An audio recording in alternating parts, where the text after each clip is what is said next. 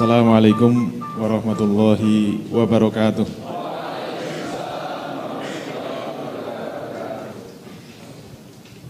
Alhamdulillahirabbil alamin.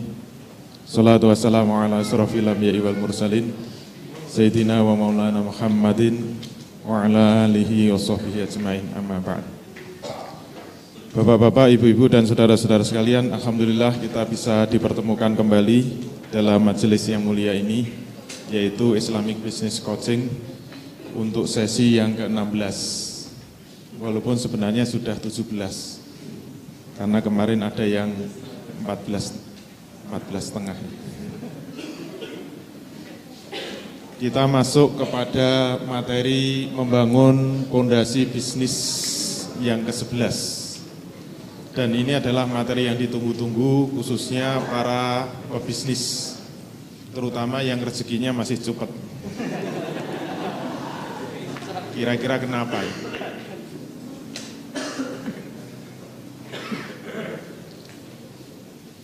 Jadi kita membahas rezeki dalam pandangan Islam. Karena ini masih materi pondasi dan berulang-ulang saya sampaikan kalau pondasi ini sangat menentukan aktivitas di atasnya. Kalau pondasi salah, dalam arti pandangan kita terhadap rezeki salah, maka itu akan berpengaruh pada amal yang salah. Dan nanti, nanti juga bahayanya itu bisa menimbulkan ketakaburan. Mungkin yang bisnisnya sukses, rezekinya banyak, duitnya banyak, melimpah, dia merasa bahwa apa yang didapatkan itu merupakan hasil kerja kerasnya. Maka yang menjadi pertanyaan besar, apakah rezeki itu memiliki korelasi positif dengan kerja keras? Ini selalu menimbulkan tanda tanya. Nah, sebagaimana materi sebelumnya, jadi karena ini masih materi dasar atau dalam bahasa agama itu materi akidah, dan ini masih kelanjutan dari kodok kodar, jadi pembahasan tentang takdir. Setelah membahas takdir atau kodok kodar kemarin kita membahas hidayah dan dolalah, kemudian kita membahas tawakal. Dan ini sangat erat hubungannya dengan tawakal. Selalu ada tiga aliran. Dua di antaranya kita anggap sebagai aliran yang salah, satu kita anggap sebagai aliran yang benar. Dalam masalah pemahaman tentang rezeki juga demikian.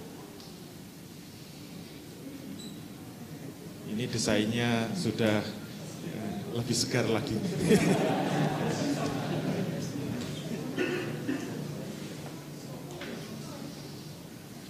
Sebagai pengantar,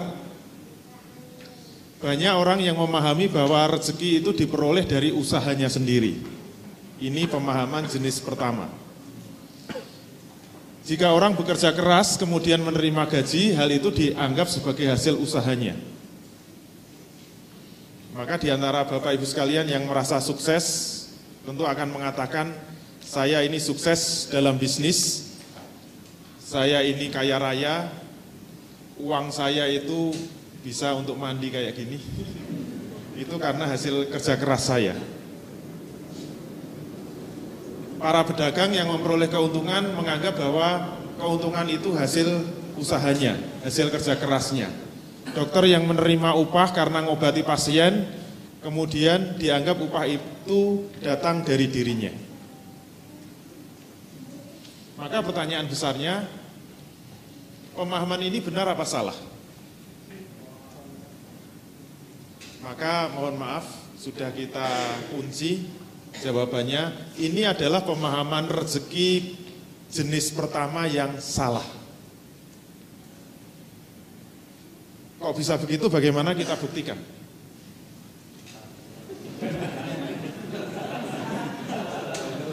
Gak tahu kok bisa pas. Masalah buat loh.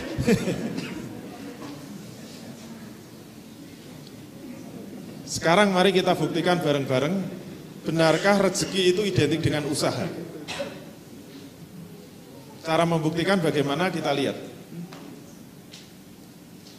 Benarkah penyebab datangnya rezeki itu atas usaha kita? Mari kita melihat faktanya lebih dalam.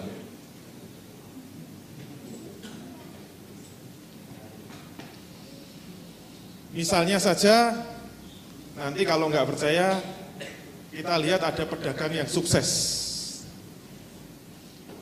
Jualannya laku keras di tempat yang strategis.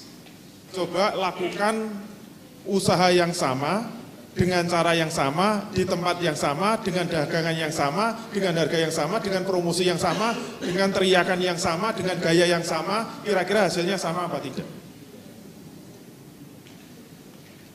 Kalau kita berani mengatakan bahwa rezeki itu identik dengan usaha, mestinya dengan usaha yang sama, dengan cara yang sama, dengan effort yang sama, dengan energi yang sama, dengan tenaga yang sama, dengan model yang sama, dengan dagangan yang sama, pokoknya sama-sama, wajahnya juga sama. Kira-kira hasilnya sama atau tidak? Bisa saja yang satu tetap laku keras, tapi sampingnya tidak laku sama sekali. Padahal barang yang dijual itu sama, di tempat yang sama, dengan harga yang sama, dengan gaya yang sama. Itu sudah membuktikan dengan jelas, dengan sederhana bahwa usaha itu tidak identik dengan hasil. Makanya kita nggak usah iri dengan mereka-mereka yang sukses, coba aja tiru dengan gaya yang sama. Saya dulu waktu kecil itu pernah mancing. Diajak mancing teman-teman. Saya itu duduk di tempat yang sama dengan panjang apa? Eh, dulu masih pakai bambu ya. Mungkin bambunya sama, kailnya sama, umpannya juga sama, duduk di tempat yang sama. Teman saya itu dapat terus gitu. Begitu dicelupkan sebentar udah dapat ikan. Saya itu sudah sampai melongo lama itu nggak dapat dapat juga gitu. Akhirnya saya minta untuk gantian tempat. Ini mungkin gara-gara tempatnya. Akhirnya dia saya suruh pindah tempat saya, saya suruh saya ganti tempat yang dia duduki tadi. Ternyata teman saya tetap dapat terus. Saya enggak satu pun enggak dapat. Akhirnya ini mungkin kailnya itu. Akhirnya dia suruh gantian kailnya. Kailnya dia saya pakai, dia pakai kail saya gitu. Ternyata juga dia dapat terus. Saya tetap enggak dapat kayaknya saya di, dibenci sama ikan-ikan di tambak itu. Padahal tamang saya nggak jelek-jelek amat. saya nggak tahu penyebabnya apa. Apa tangan saya itu tidak, eh, tangan saya mungkin panas, nggak bakat dapat rezeki banyak. Teman saya itu mungkin bakatnya dapat rezeki banyak, saya nggak tahu. Yang jelas ini menjadi bukti bahwa ternyata apa yang diupayakan manusia itu tidak selalu berbanding lurus dengan hasil. Bahkan sebaliknya mungkin kalau teman-teman itu sama-sama bisnis, mungkin bisnisnya sama, jenisnya sama, mungkin sama-sama jadi sales. Yang satu itu sudah mati-matian menawarkan, nggak ada yang beli, yang satu nyantai-nyantai malah yang beli banyak.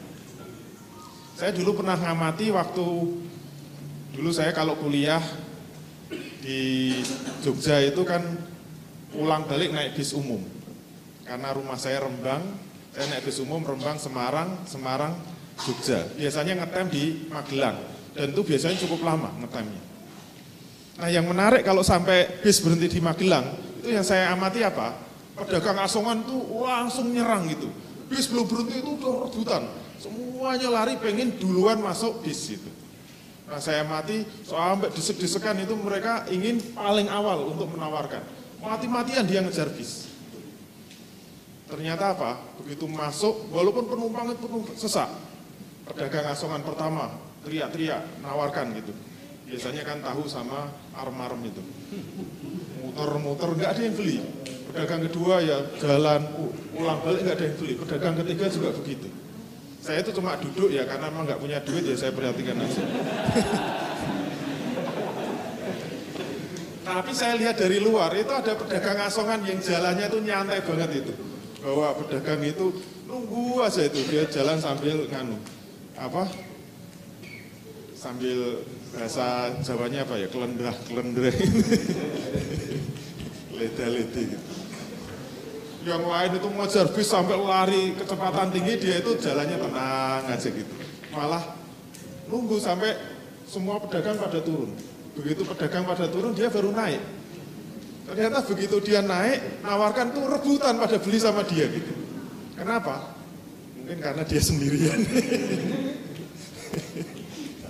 Jadi yang datangnya belakangnya, belakangan nawarkannya juga asal-asalan, itu malah pada beli, begitu turun udah habis itu dagangannya.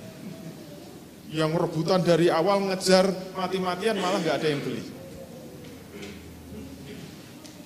Maka kalau kita mengatakan bahwa usaha itu berbanding lurus dengan hasil, nampaknya yang mati-matian berusaha itu malah nggak laku.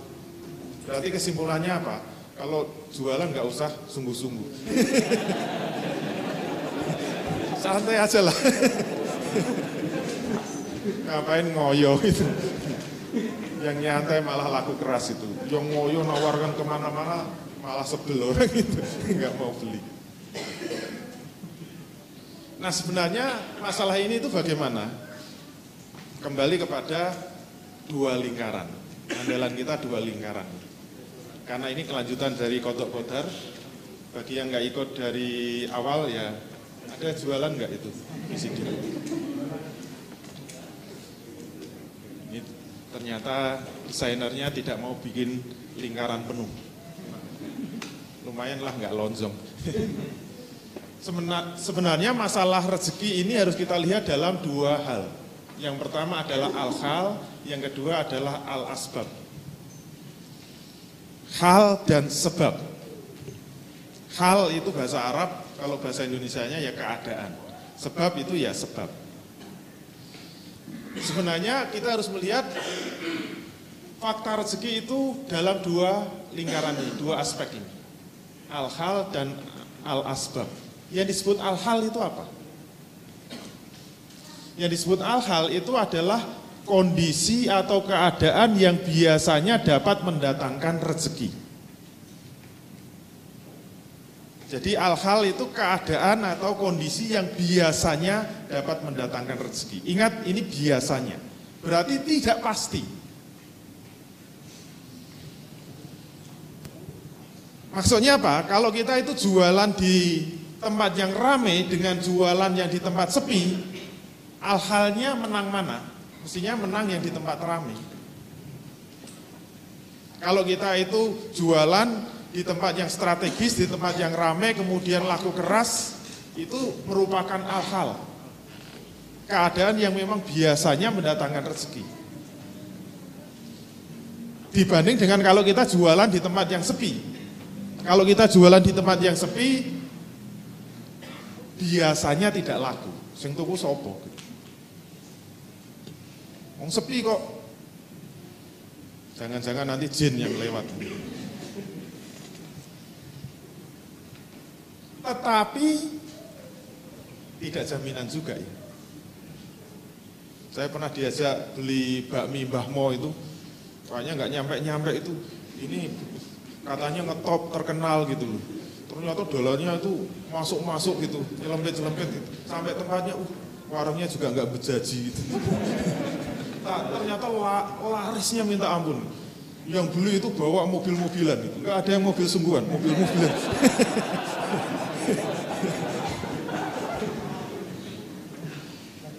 duduknya itu warungnya cuma pakai bambu apa gede gitu kemudian duduknya juga hanya pakai kayu biasa gitu tapi larisnya minta. Tempatnya itu nyelip itu. Daerah Bantul itu aja masih kemeringat itu. Saya suruh sana lagi mungkin sudah nyasar itu, nggak ngerti itu. Bakmi dua jaman, karena nunggunya dua jam.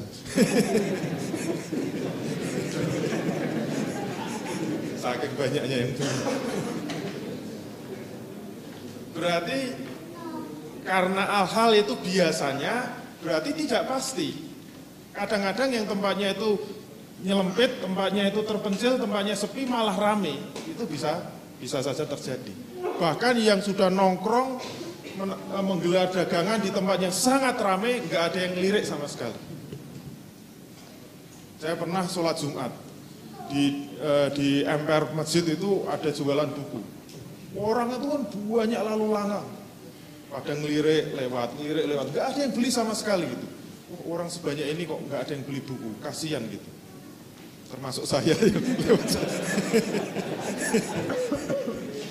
Katanya kasihan kok nggak beli sesama penjual buku.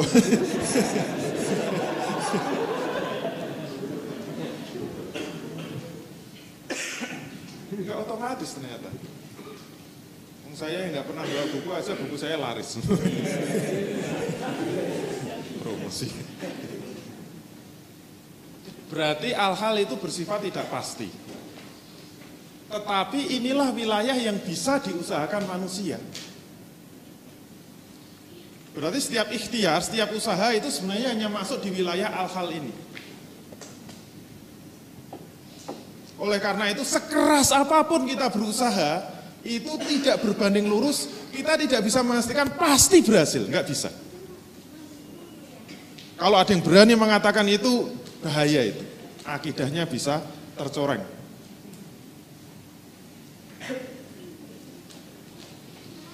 Dalam bahasa Arab, kalau kita mengatakan pasti hubungannya itu sebab akibat, itu adalah asbab. Sebab. Yaitu apa? Bersifat kausalitas, sebab akibat. Kenapa? Dia bersifat pasti. Nah sebenarnya yang ditunggu-tunggu manusia, sebenarnya dicari-cari manusia itu apa? Sebab datangnya rezeki. Ya enggak? Kalau manusia tahu sebab datangnya rezeki, enak banget kan? Kenapa? Karena sebab itu bersifat pasti. Sebab itu bersifat pasti. Sebenarnya yang dicari manusia di mana pun berada itu adalah sebab datangnya rezeki, bukan al-hal.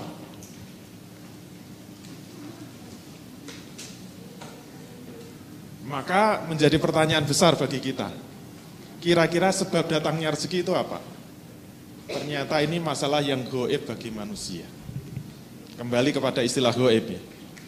Kalau ini pertemuan awal, teori berpikir, tingkat dua. Kalau disebut goib ini berarti sesuatu yang tidak bisa dilihat langsung oleh manusia. Sesuatu yang tersembunyi, sesuatu yang terlam, e, terhalang atau sesuatu yang sudah lampau, sesuatu yang akan datang itu istilah goib.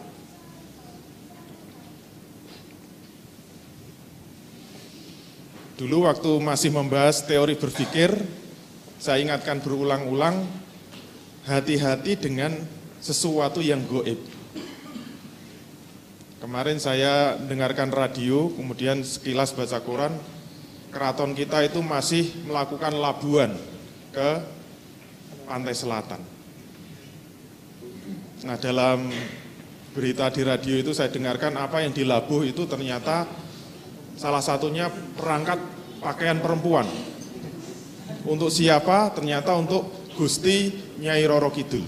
Nyebutnya Gusti. Pertanyaannya, benarkah pakaian yang kita kirimkan itu sampai kepada Nyai Roro Kidul? Harapannya kan supaya Ngayuk Jokarto ini tetap dalam keadaan aman dan tentram penuh barokah. Caranya gimana? Nyai Roro Kidul dikirimi seperangkat alat sholat, eh bukan seperangkat pakaian wanita, supaya tidak marah-marah. Ini berarti sesu, sesuatu yang goib. Bagi manusia ini sesuatu yang goib. Kalau kemarin itu setelah laut biasanya terus naik ke Merapi gitu. Itu juga dikirimi juga itu penunggu Merapi. Gak tahu laki-laki apa perempuan. Kalau laki-laki ya mungkin seperangkat pakaian laki-laki. Tapi kalau yang meninggal kemarin laki-laki mestinya ya perempuan juga itu. Mungkin nenek lampir itu.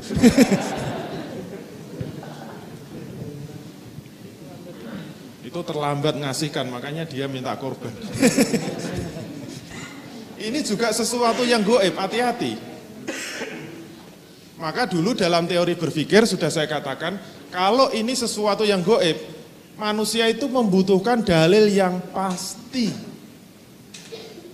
untuk bisa mengetahui sebenarnya sebab datangnya rezeki itu apa. Kalau sebab itu pasti, ibaratnya kalau kita itu punya tongkat, kita sundul saja langsung jatuh. Kalau kita ngerti pundi-pundi rezeki itu tempatnya di mana, kita sunduli saja gitu. Krocok gitu. Bukan uang kertas, uang emas itu kan keren gitu. Apalagi kayak inten gitu yang saya pakai ini. Kasih teman saya.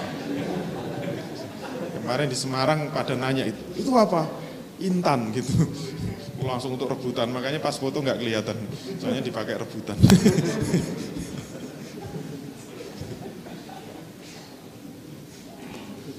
Ini intan asli atau tidak tergantung yang make ternyata. Kalau yang memakai meyakinkan itu kelihatan asli. Ini kelihatan asli enggak? Berarti yang pakai enggak meyakinkan. Membutuhkan dalil yang bersifat pasti. Mari kita lihat dalilnya. Sebab datangnya rezeki Dalil yang pasti itu syaratnya dua, yaitu harus kot'i, baik kot'i subut maupun kot'i dalalah atau dilalah. Kot'i subut itu berarti sumbernya bersifat pasti, kalau kot'i dalalah itu penunjukannya atau maknanya itu juga bersifat pasti. Yang memenuhi syarat ini biasanya kalau subut itu seluruh ayat Quran itu kot'i subut. Karena periwayatannya secara tawatir atau tawatur. Kalau hadis itu hanya hadis yang mutawatir, yang bersifat kot'i subut. Tapi Quran itu walaupun semua ayatnya kot'i subut, tapi ada yang maknanya itu ada yang zoni dalala, ada yang kot'i dalala. Maka yang kita ambil itu adalah yang kot'i subut dan kot'i dalala. Kalau dari Quran semuanya kot'i subut, tapi ada ayat-ayat Quran yang zoni dalalah. Kalau zoni dalalah itu menimbulkan perbedaan penafsiran. Kayak ayat salah sata kuru. Masa idah bagi perempuan yang ditalak itu tiga kali kuru. Kuru itu apa? Ternyata bagi orang Arab itu menimbulkan dua pemahaman. Ada yang memahami kuru itu maknanya adalah suci, ada yang memahami kuru itu maknanya haid. Berarti ini tidak kot'i dalal, tidak kot'i dalalah. Maka yang kita ambil itu adalah yang kot'i dalalah. Maka mari kita kumpulkan ayat-ayat yang kot'i subut dan kot'i dalalah terkait dengan sebab datangnya rezeki. Kita buka semua. Oh ada banyak. Yang pertama Al-An'am ayat 142. Kulu mimma rozakokumullah. Makanlah dari rezeki yang telah diberikan Allah kepadamu. Ada yang salah dalam menafsirkan atau menimbulkan dua penafsiran. Makanlah dari rezeki yang telah diberikan Allah kepadamu. Berarti rezeki diberikan oleh siapa? Allah. Ayat kedua, Ar-Rum 40. Allazi kholaqakum summa rozakokum yang menciptakan kamu kemudian yang memberimu rezeki. Dialah Allah yang telah menciptakan kamu kemudian dia Allah yang telah memberimu rezeki. Kemudian Yasin 47 angfiku mimma rozakukumullah nafkahkanlah sebagian dari rezeki yang telah diberikan Allah kepadamu. Kemudian Ali Imran 37, Innallaha yarzuku mayyasha. Sesungguhnya Allah memberi rezeki kepada siapa saja yang dikehendaki. Al-Ankabut 60, Allahu yarzuk Allahu yarzukuha wa iyyakum. Allah lah yang memberi rezeki kepadanya dan juga kepadamu. Kemudian Al-Hajj 58 layar nahumullah. Benar-benar Allah akan memberikan kepada mereka rezeki yabsutur rizqa liman yasha. Allah lah yang meluaskan rezeki dan menyempat eh, menyempitkan rezeki bagi siapa saja yang dia kehendaki. Wabtagu indallahir rizqa, maka mintalah rezeki itu dari sisi Allah. Kesimpulannya apa dari ayat-ayat ini ternyata ada makna yang bersifat pasti dari sumber yang pasti sebab datangnya rezeki ternyata hanya satu yaitu biadillahi wahdah. rezeki itu ternyata dari sisi Allah Subhanahu wa taala atau dari tangan Allah Subhanahu wa taala atau hanya dari Allah semata.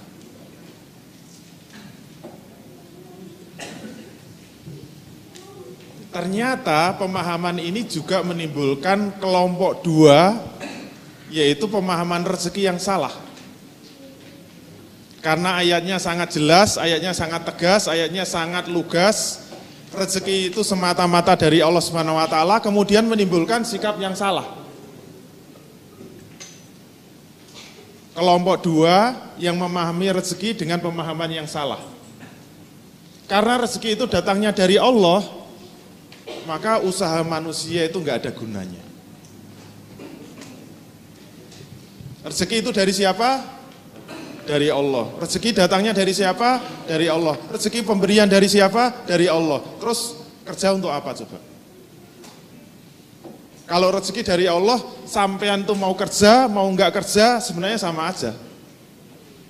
Kalau memang bakatnya kaya itu susah kok jadi miskin itu. Bener itu. Baunya aja udah kaya kok. Itu mau jadi miskin susah gitu. Mau kerjanya asal-asalan ya tetap kaya, mau nggak kerja ya kaya, tidur terus ya kaya.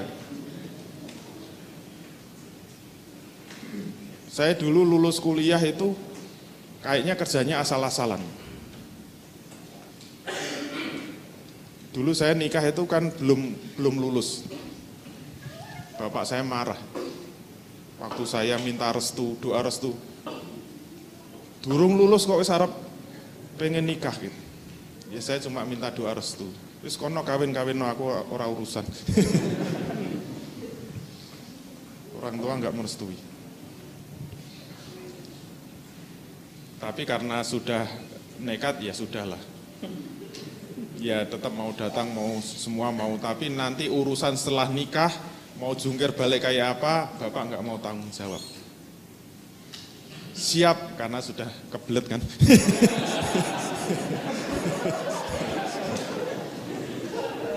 Waktu ngelamar itu dengan gagah perkasa, mungkin sering saya ceritakan, ketemu calon mertua tanya, kamu kok ngelamar anak gadis saya itu sudah kerja apa? Kamu udah punya pekerjaan tetap apa? Saya karena orang yang jujur dan tidak sombong, saya jawab apa adanya. Mohon maaf Pak, saya belum punya pekerjaan tetap. Lu kok ngelamar anak saya? Mau dipakani apa anak saya itu?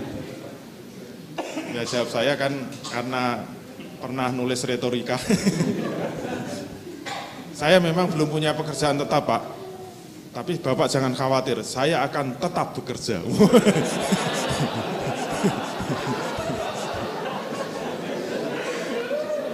Dari jawaban itu langsung diterima saya ini. Bukan diterima karena apa? Karena suka sama saya, tapi karena kasihan sama saya. Jadi kerja nggak jelas kok tetap nekat. Tapi alhamdulillah diterima. Dan begitulah akhirnya orang tua saya lepas tangan Ya saya sudah nekat, sudah bismillah, kerja pokoknya saya kerja apa sa saja, yang penting nggak pakai modal. Ternyata bisa juga gitu. Caranya gimana? Ya cari aja orang yang punya barang mau konsinyasi kan. Terutama yang punya batik-batik saya ambilin nanti kalau nggak laku retur, sebulan balik lagi ganti yang baru, muter terus. Yang punya buku saya ambili, pokoknya nanti saya tawarkan ke mana-mana. Yang penting apa? Nggak pakai modal. Itu menunjukkan bisnis nggak harus pakai modal. Nyatanya saya bisa ngontrak rumah, bisa menghidupi anak istri. Sampai akhirnya orang tua saya kan berkunjung. Bagaimanapun juga rindu sama anak yang terakhir. Gitu. Ya silahkan berkunjung di rumah saya yang sangat indah. Tempat eh, bulan madu. Betul, saya bisa ngontrak kan satu ruang tamu, satu tempat tidur, satu ruang tidur dan eh, dapur kamar mandi. Ketika bapak ibu datang, bingung kan? Yang harus tidur di dalam siapa? Kalau orang tua tidur di kamar, saya tidur di ruang tamu. Kalau orang tua tidur di ruang tamu, saya tidur di kamar gitu Yang yang harus ngalah siapa? Orang tua saya harus kita hormati kan tidur di dalam. Tapi orang tua saya nggak tega masak pengantin baru di luar. Akhirnya sama-sama bingung kan. Kalau bapak saya bingung kan saya biarkan saja gitu. Kebingungannya apa? Disalurkan dengan cari koran. Tumben cari koran gitu. Akhirnya sibuk sendiri buka-buka. Bukan lihat berita tapi iklan kecil. akhirnya kok serius amat nyari apa? Sudah diem aja gitu. Pokoknya mau ngantar saya enggak gitu. Akhirnya saya antar ke mana? Saya nuruti aja gitu. Ternyata nyari rumah. Ketemu kemudian nawar, dibeli sama bapak. Wah beli rumah. Mau pindahan ke Jogja apa? Ternyata enggak. Begitu sudah dibeli, ini untuk kamu. Saya itu hampir nggak percaya gitu. Akhirnya apa? Saya terpaksa mau.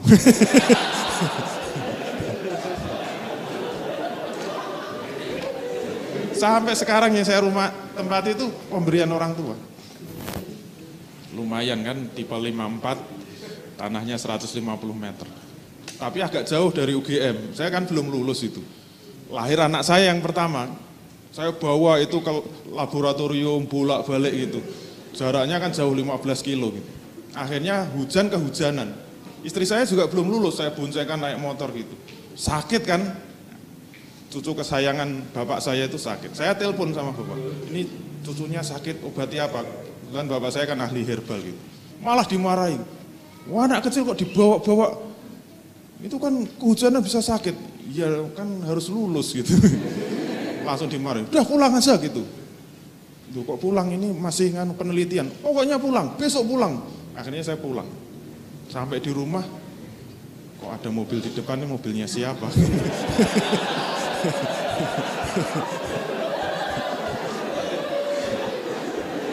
Padahal yang di garasi sudah ada satu, kok di depan ada ini.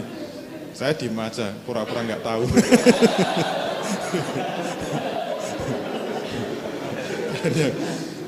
Akhirnya langsung ngomong, ini bawa pulang ke Jogja.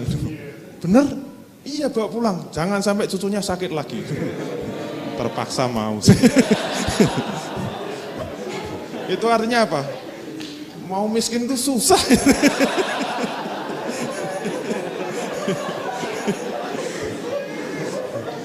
Begitu sampai di komplek, mobil saya paling bagus seluruh komplek itu. Dulu masih Panther masih bagus itu. Dan dulu solar masih murah. Saya masih ingat itu. Saya isi dari Rembang sampai ke Jogja itu berapa kilo? Kira-kira 300 kilo. Itu saya ngisi itu cuma 5 ribu rupiah itu sampai Jogja. Karena harga solar waktu itu 380 rupiah. 5 ribu kan 10 liter lebih itu. Apalagi memang mobil yang hemat. Ini artinya apa? Saya jadi mikir itu. Berarti rezeki itu sudah dijatah oleh Allah Subhanahu wa taala. Kalau bakatnya kaya tetap kaya kok gitu. Wong saya nggak pernah beli ake aja dikasih ake. Susah jadi miskin itu. Tapi yang miskin itu udah kerja bontang banting badan itu, sudah memeras tulang sampai membanting keringat. Balik-balik kan. tetap miskin terus gitu loh. Terus ngapain kerja coba? Makanya yang belum nikah itu cari jodoh yang baunya itu kaya gitu loh. Susah diajak miskin.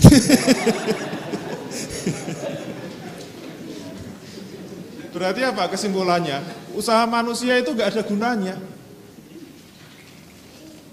Man, manusia cukup pasrah sama Allah Subhanahu wa. Wong jatahnya sendiri-sendiri kok.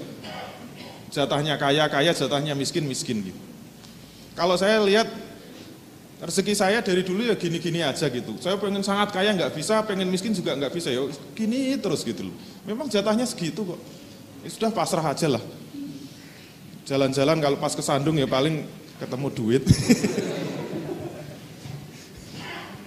ya gimana lagi? Wong rezeki itu adalah dari Allah Subhanahu wa taala. Apa pun yang diberikan Allah itu adalah rezeki kita. Manusia tidak perlu bersusah payah mencari rezeki. Semua sudah ada jatahnya. Ini adalah pemahaman rezeki yang salah jenis kedua. Pemahaman rezeki yang salah jenis kedua. Jadi menganggap rezeki itu hasil usaha manusia itu salah, menganggap rezeki itu sudah sudah dijatah sehingga kita itu nggak perlu mencari rezeki itu juga salah. Pokoknya pasrah aja lah. Kalau jatahnya kaya tidur terus juga tetap kaya. Itu juga salah. Terus yang benar gimana? Maju kena, mundur kena kan? Memahami bahwa rezeki itu identik dengan usaha salah, kemudian memahami rezeki itu sudah dijatah oleh Allah, kemudian kita nggak perlu kerja keras juga salah. Untuk memahami itu kita mulai dari melihat makna rezeki secara bahasa. Rezeki itu dari kata bahasa Arab rozako, artinya akto, yaitu pemberian. Jadi rezeki itu pemberian. Yang kedua yang harus kita pahami, rezeki itu tidak sama dengan kepemilikan. Berarti karena rezeki itu pemberi, pemberian, untuk memperoleh rezeki itu bisa melalui dua jalan. Bisa dengan jalan yang halal, bisa juga dengan jalan yang haram. Tapi dua-duanya disebut rezeki. Kalau dibuat petanya kayak gini. Pernah lihat peta? Kalau belum pernah nanti tanya Dora. Jadi kalau dari ayat-ayat tadi diurutkan sebab datangnya rezeki itu dari Allah Subhanahu wa. Itu al-asbab. Sebab yang pasti rezeki itu berasal dari mana? Itu dari Allah Subhanahu wa taala. Itu adalah sebab datangnya rezeki. Berarti sudah disiapkan oleh Allah Subhanahu wa taala di atas. Kemudian sebelum turun ke bawah, untuk bisa turun harus ketemu dengan al-hal. Yaitu kondisi keadaan yang bisa diupayakan oleh manusia untuk menurunkan rezeki itu. Dan al-hal itu ternyata bisa dua kemungkinan usaha manusia itu bisa dengan usaha yang halal, bisa dengan usaha yang haram. Kalau usaha yang halal kemudian itu bisa mendatangkan rezeki, maka rezekinya disebut rezeki yang halal. Kalau usaha yang haram, maka rezekinya disebut rezeki yang haram. Tapi harus diingat, dua-duanya itu beda. Kalau usahanya itu halal, maka itu berarti baru bisa disebut hak milik. Sedangkan kalau rezeki yang haram tidak bisa disebut hak milik. Tapi dua-duanya adalah rezeki. Contohnya gini. Di depan gedung kita banyak motor ya. Nanti yang nggak punya motor ambil satu aja gitu. Kalau sukses bawa motor sampai di rumah nggak ketahuan, itu namanya rezeki. Betul itu. Tapi itu rezeki yang haram. Maka tidak boleh diklaim bahwa itu milik saya, nggak bisa.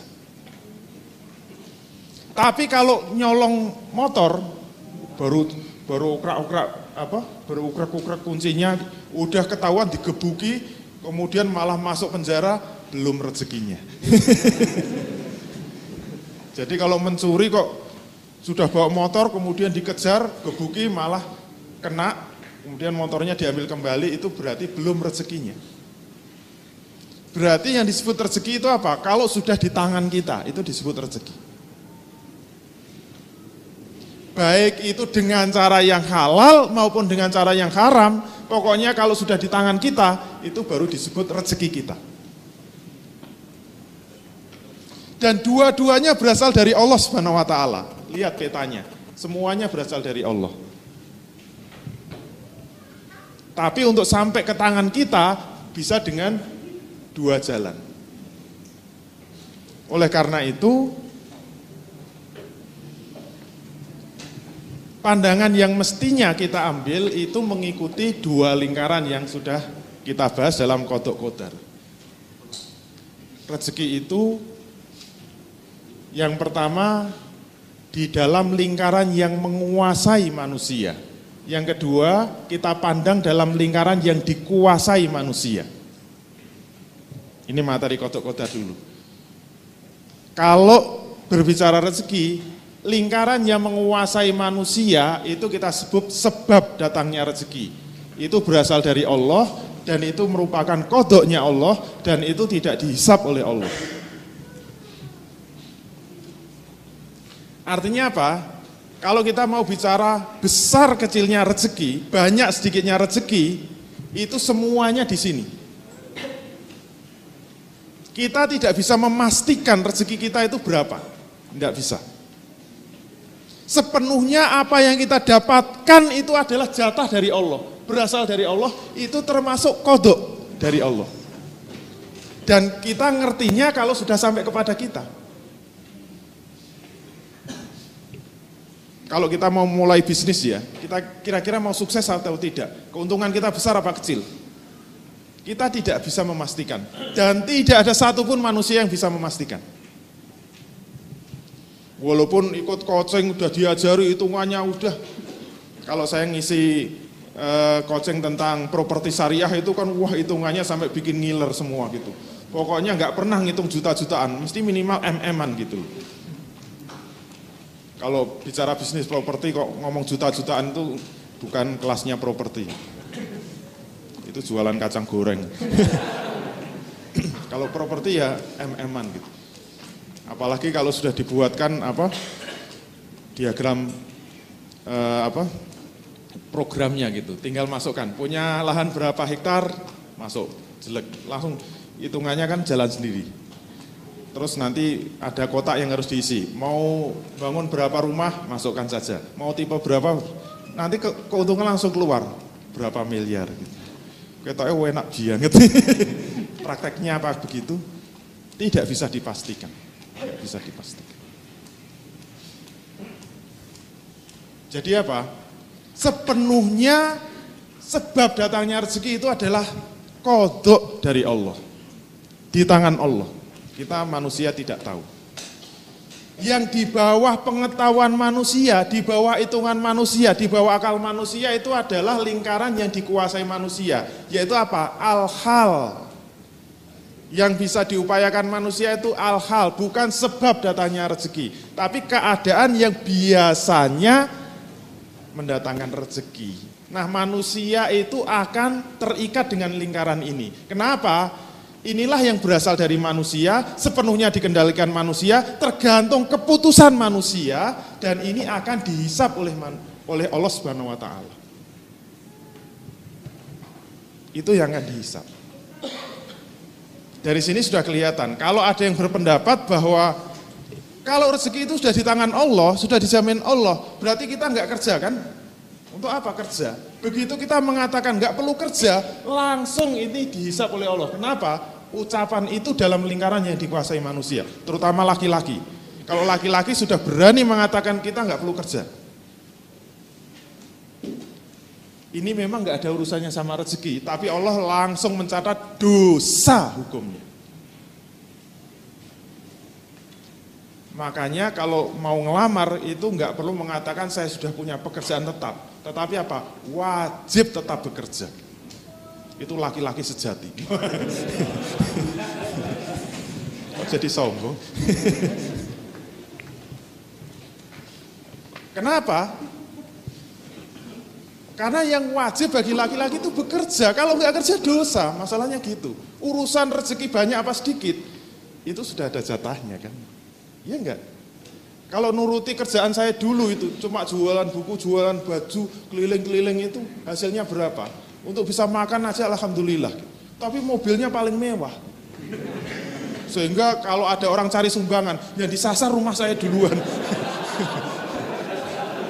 Padahal untuk beli beras aja nggak jelas. beli bensin aja nggak kuat. Karena mobilnya solar.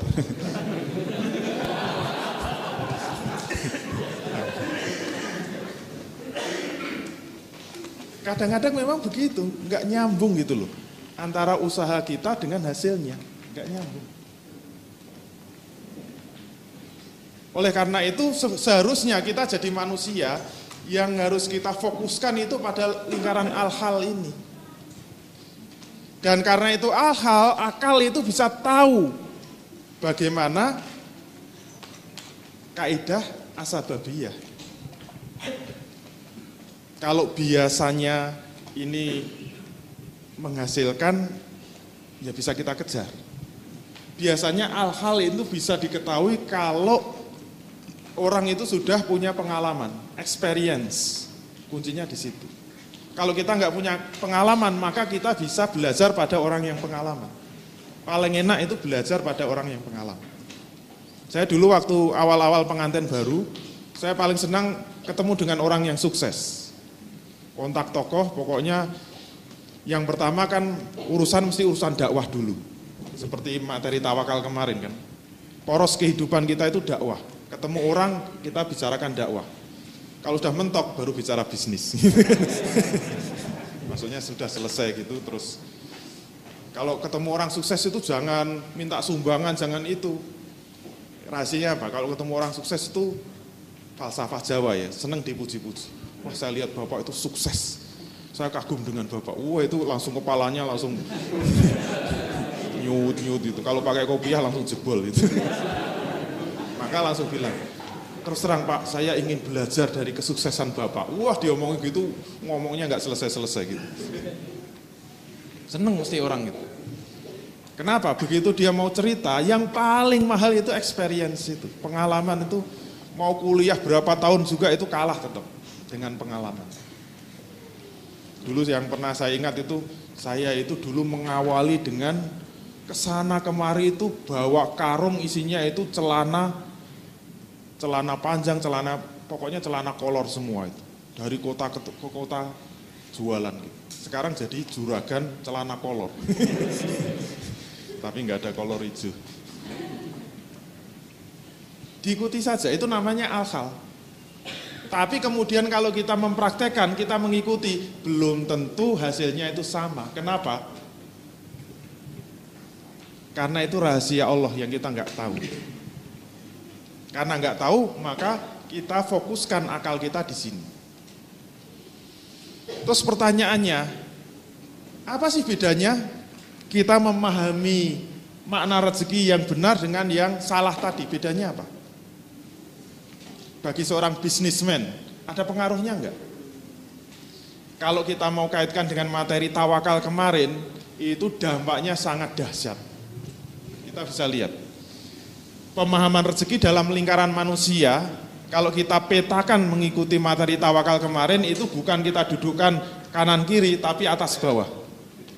Seperti kemarin yang mau berantem siapa? Gedenya boleh sama, umurnya sama, bobotnya sama, sabuknya juga sama, sabuk putih. Kenapa yang satu berani, gagah perkasa, yang satu lari terbirit-birit? Padahal badannya sama. Apa yang membedakan? Perasaan dia atau pemahaman dia. Siapa yang jadi backingnya? Itu yang membedakan. Itu materi kemarinnya. Kita pakai lagi itu materi. Tawakal yang benar itu sebelum bekerja, selama bekerja, dan setelah bekerja. Itu kita aplikasikan untuk pemahaman rezeki. Lingkaran yang pertama, walaupun bentuknya bukan lingkaran, yaitu yang menguasai manusia, berarti di dalam dada manusia. Ini isinya adalah keyakinan-keyakinan. Oke, itu harus didulukan sebelum bisnis, sebelum melakukan apa-apa, tolong hatinya, dadanya, perasaannya ditata dulu. Nanti pengaruhnya sangat dahsyat. Kenapa? Kalau kita memulai bisnis dengan tawakal, artinya apa? Yakin bahwa rezeki itu dari Allah. Pengaruhnya apa? Normalnya secara psikologis, secara mental, ibarat kemarin mau berkelahi ya, yang satu merasa anaknya Pak Lurah, yang satu merasa anaknya petani. Kira-kira yang punya keberanian besar siapa? Anaknya Pak Lurah kan. Yang anaknya petani belum berkelahi udah lari terbirit-birit. Kenapa? Enggak punya perasaan sama sekali. Itu artinya apa? Enggak punya tawakal. Orang yang tawakal itu berarti apa? Merasa punya backing, yaitu apa? Lurah. Kalau backingnya lurah aja gagah perkasa, apalagi backingnya bupati, apalagi backingnya gubernur, apalagi backingnya jenderal, apalagi backingnya Jokowi. Wah, makin gagah lagi. Apalagi kalau merasa backingnya adalah Allah Subhanahu wa taala. Zat yang maha kaya raya Allah Subhanahu wa taala. Kalau kita merasa di belakang kita, backing kita adalah Allah Subhanahu wa taala. Kenapa nyali kita ciut? Allah itu maha kaya. Jangankan cuma duit sejuta dua juta, menciptakan alam semesta aja bisa kok.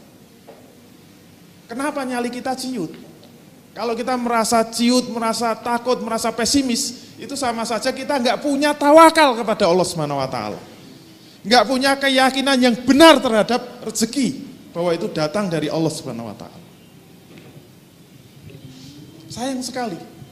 Jadi umat Islam tapi nyalinya kecil, nyalinya ciut. Cita-citanya pendek. Bisnisnya asal-asalan. Oleh karena itu pentingnya lingkaran yang menguasai yaitu di dalam dada kita itu diisi dengan pemahaman yang benar terhadap rezeki, pemahaman yang benar terhadap tawakal kepada Allah, itu akan muncul dalam bentuk apa?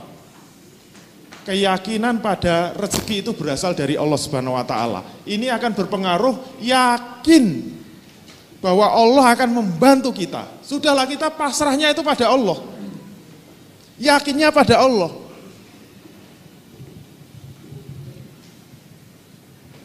Gak usah lirik sana lirik sini.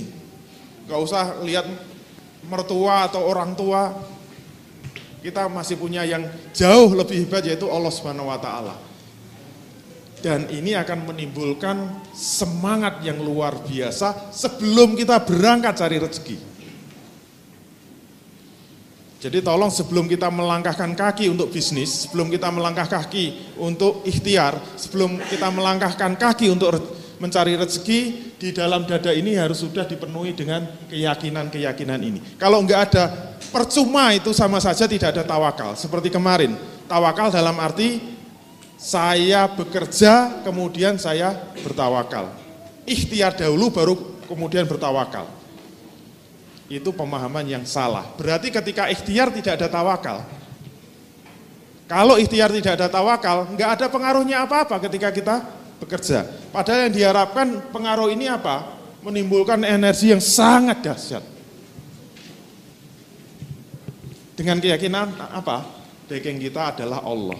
Inilah yang akan menjadi penyangga bagi lingkaran yang dikuasai manusia, yaitu apa? Pada akal manusia. Terus pengaruhnya apa?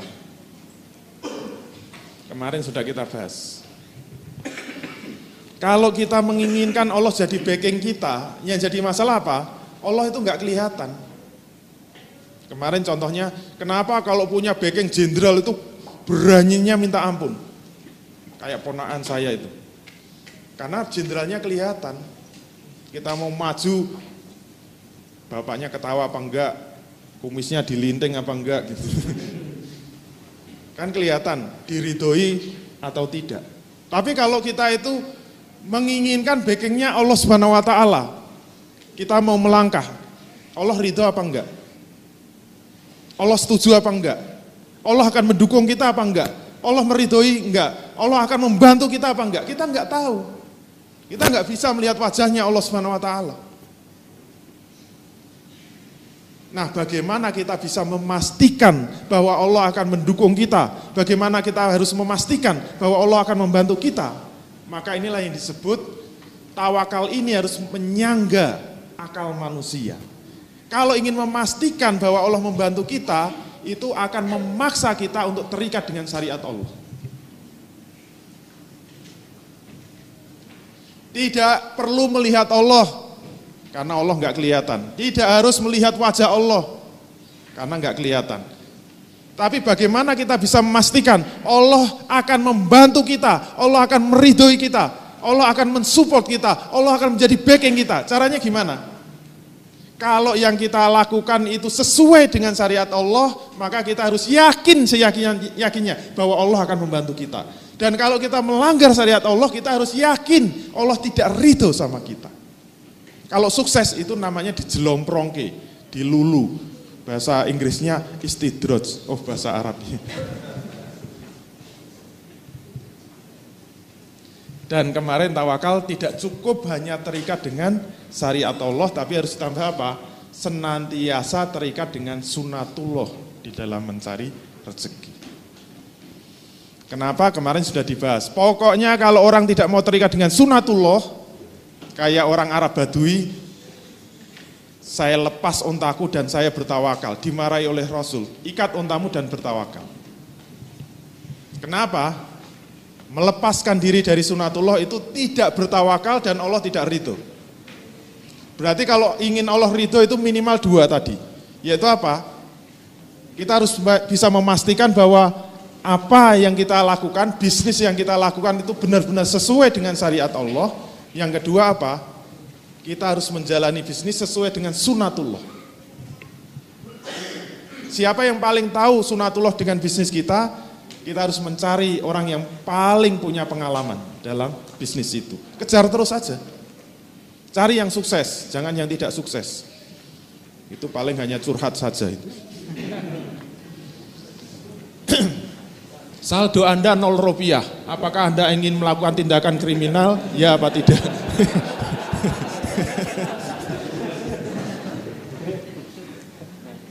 Kami menganjurkan Anda untuk segera mencari pekerjaan. Langkah kita yang pertama, kalau kita urutkan, harus yakin yang mendalam akan rezeki dari Allah Subhanahu wa taala. Yang kedua, keyakinan yang mendalam bahwa Allah akan menolong kita. Yang ketiga, inilah yang akan memunculkan semangat bagi kita. Ini masih dalam lingkaran yang dalam dada kita, yang menguasai kita. Kemudian apa konsekuensinya terhadap akal kita? Akan memaksa kita untuk berpegang teguh kepada syariat Islam. Yang kedua, akan terikat dengan sunatullah. Kemudian kalau mau ditambah, ini nanti materi terakhir, yaitu senantiasa doa kepada Allah. Untuk materi pondasi ya. Yang terakhir itu doa. Tapi sebelum doa, mohon maaf, minggu depan itu materi ajal. Bisnis diajari ajal itu kenapa gitu? Biar nggak cepat mati lah. biar bisnisnya nggak nekat gitu loh. Senantiasa berdoa kepada Allah. Yakin bahwa Allah yang memberi, maha pemberi dan maha penolong bagi hamba-hambanya. Kembali kepada fitri tetap optimis walaupun kosong. Maka fungsi memahami rezeki yang benar pertama, selalu optimis kalau ada pebisnis itu yang pesimis, bekah beku, leda-lede, itu berarti tidak memahami rezeki dengan benar. Pebisnis yang memahami rezeki dan benar selalu optimis. Mau ganti pekerjaan kayak apa, enggak khawatir. Tantangannya kalau nanti ditunjukkan, mohon maaf Pak, pekerjaan Bapak haram. Mungkin mohon maaf ya kerja di bank, karena sudah tanya bagaimana hukumnya kerja di bank kan nggak ngambil riba, nggak memberi juga. Ternyata hadisnya ada empat yang dilaknat oleh Allah yaitu apa? Pemberi riba, penerima riba, tukang catatnya gitu, penulisnya dan saksi-saksinya. Rasul mengatakan hum sawaun. Mereka semua adalah sama. Loh berarti saya masuk tukang catat? Iya gitu. Terus gimana? Keluar saja. Oh saya ini sudah bonusnya saja 12 juta pay sudah 25 juta, saya sudah kerja 15 tahun, masa meninggalkan dunia ini? Kalau rezeki itu dari Allah, kalau kita masih yakin bahwa rezeki dari Allah, kita keluar dari bank, ganti pekerjaan, tunggu saja. Kalau hasilnya tidak 25 juta, lapor sama Allah, jangan lapor sama saya. Insya Allah tetap saya jamin. Kalau nanti beda, nanti bedanya apa sih? Duh, sekarang saya kerjanya jualan mie rebus misalnya. Dulu pegawai bank, sekarang mie rebus. Hasilnya kok nggak ada 25 juta, cuma dua setengah juta. Bedanya apa? Yang satu barokah, yang satu tidak. 25 juta nanti lihat saja, hilangnya itu akan sebanyak apa? 25 juta kurang dua setengah juta. Saya punya kisah nyata itu dari teman saya sendiri yang nggak perlu saya sebut, pokoknya dia dosen fakultas hukum. Ya karena sama-sama dosen mengeluh sama saya, Pak saya itu jadi dosen kok hidupnya pas-pasan terus itu, rumah satu, mobil satu, kijang lagi gitu. Istri satu, semaunya berapa. saya kalau cuma dosen saja kayaknya nggak nggak akan meningkat. Terus maunya apa? Saya pengen jadi pengacara, pengen jadi advokat. Akhirnya dia nekat dia ngurus apa izin, akhirnya dapat izin advokat mulai beraksi. Benar dia jadi pengacara, hasilnya melimpah ruah. Wah duitnya itu ratusan juta. Akhirnya beli rumah lagi, beli mobil lagi, mobilnya banyak, rumahnya banyak. Hasilnya apa? Hampir tiap hari itu pasti ada kejadian. Kalau enggak mobilnya nabrak, anaknya yang nabrak, istrinya sakit, masuk rumah sakit, tiap hari gonta ganti terus. Dia bingung gitu. Selesai satu urusan mobil, keluar bengkel, istrinya masuk bengkel. Rumah sakit masuknya. Terus saja gitu. Bertahun-tahun dia merasakan duit banyak tapi keluar masuk, keluar masuk. Akhirnya lapor lagi sama saya. Pak saya kok tersiksa ya hidup saya. Padahal duit saya banyak gitu. Kenapa? Kamu jadi pengacara? Iya. Benar enggak itu dapatnya duit? Ya tahu sendirilah pengacara itu pengangguran banyak acara. Akhirnya saya yakin, saya yakin-yakinnya apa yang Bapak dapatkan itu dari jalan yang haram. Keluar saja Pak, kembali jadi dosen. Alhamdulillah dia mau balik jadi dosen, akhirnya apa? Gajinya pas-pasan lagi. Tapi dia kembali ketemu saya, dia mengatakan, gak ada satupun anaknya yang sakit. Istrinya gak pernah sakit, mobilnya gak pernah masuk rumah sakit. kayaknya aman tentram walaupun gajinya pas-pasan. Berarti apa? Sama kok. Dapat banyak, keluarnya juga banyak. Mending dapat banyak, keluarnya enggak banyak.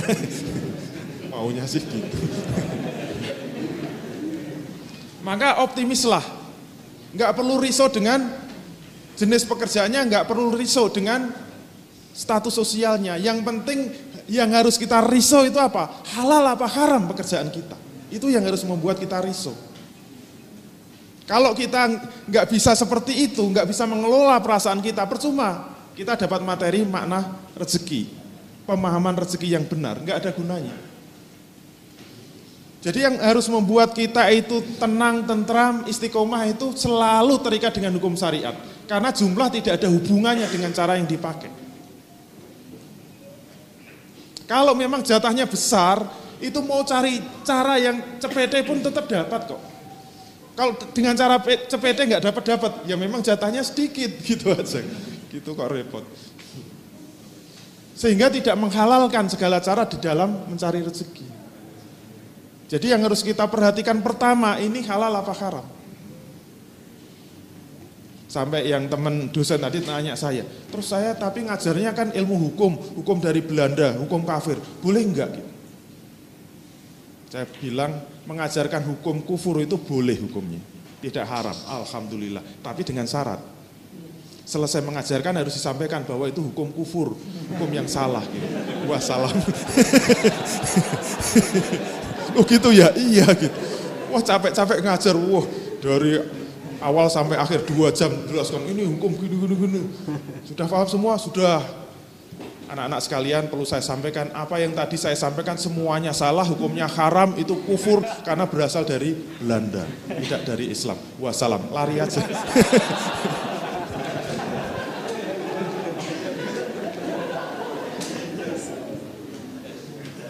Kemudian tidak takut menolak rezeki yang datang dengan cara yang haram.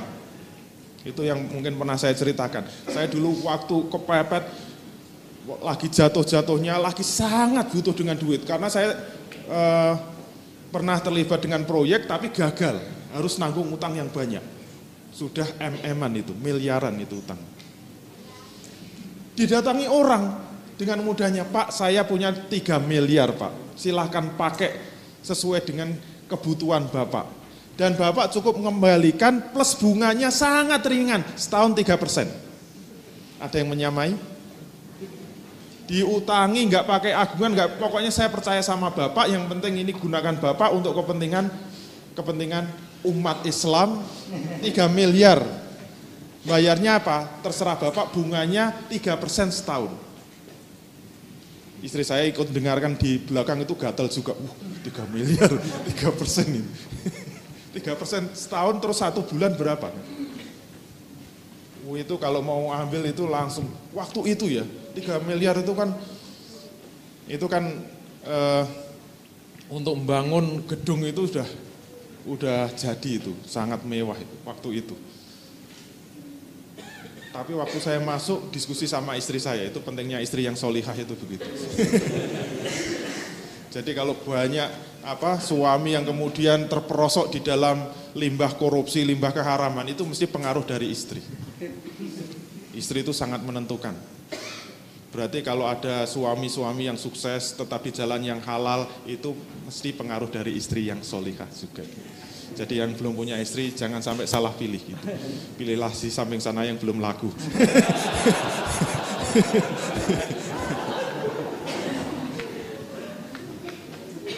Tapi begitu istri saya mengatakan haram hukumnya mas di haram.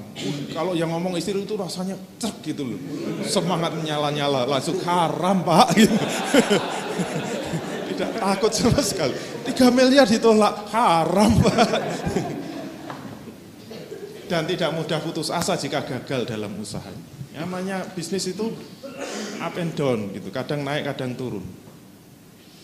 Bedanya apa sih orang yang punya pemahaman rezeki yang benar dengan yang salah? Kalau yang benar, gagal itu tenang. Tidak akan gelisah, tidak akan kecewa. Kenapa? Backingnya adalah Allah Subhanahu wa taala. Allah Maha Kaya kok. Kenapa kita harus galau gitu? Yang terakhir membuat kita tidak takut untuk berjuang di dalam menegakkan Islam.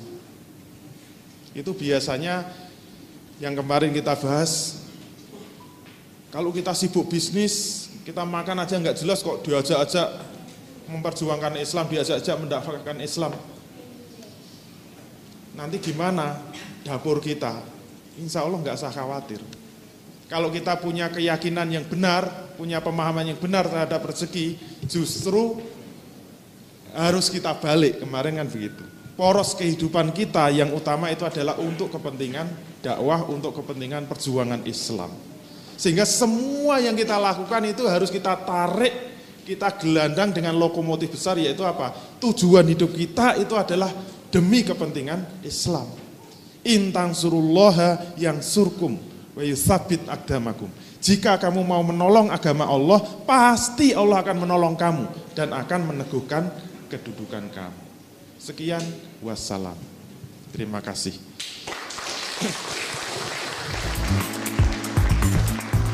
Terima kasih Anda telah menyaksikan tayangan persembahan pengusaha Rindu Syariah. Silahkan hadiri acara-acara yang kami buat seperti Islamic Business Coaching, di mana kita dapat mempelajari kerangka berbisnis Islam, kemudian Islamic Business Sharing, di mana kita bisa belajar kepada pengusaha yang telah menerapkan bisnis syariah, fikih bisnis Islam, di mana kita bisa bertanya dan memecahkan permasalahan-permasalahan bisnis kontemporer, dan Muslim Trainer Power Camp, di mana kita akan termotivasi untuk menjadi pejuang syariah dalam berwirausaha. Sampai ketemu di pertemuan berikutnya. Wassalamualaikum warahmatullahi wabarakatuh.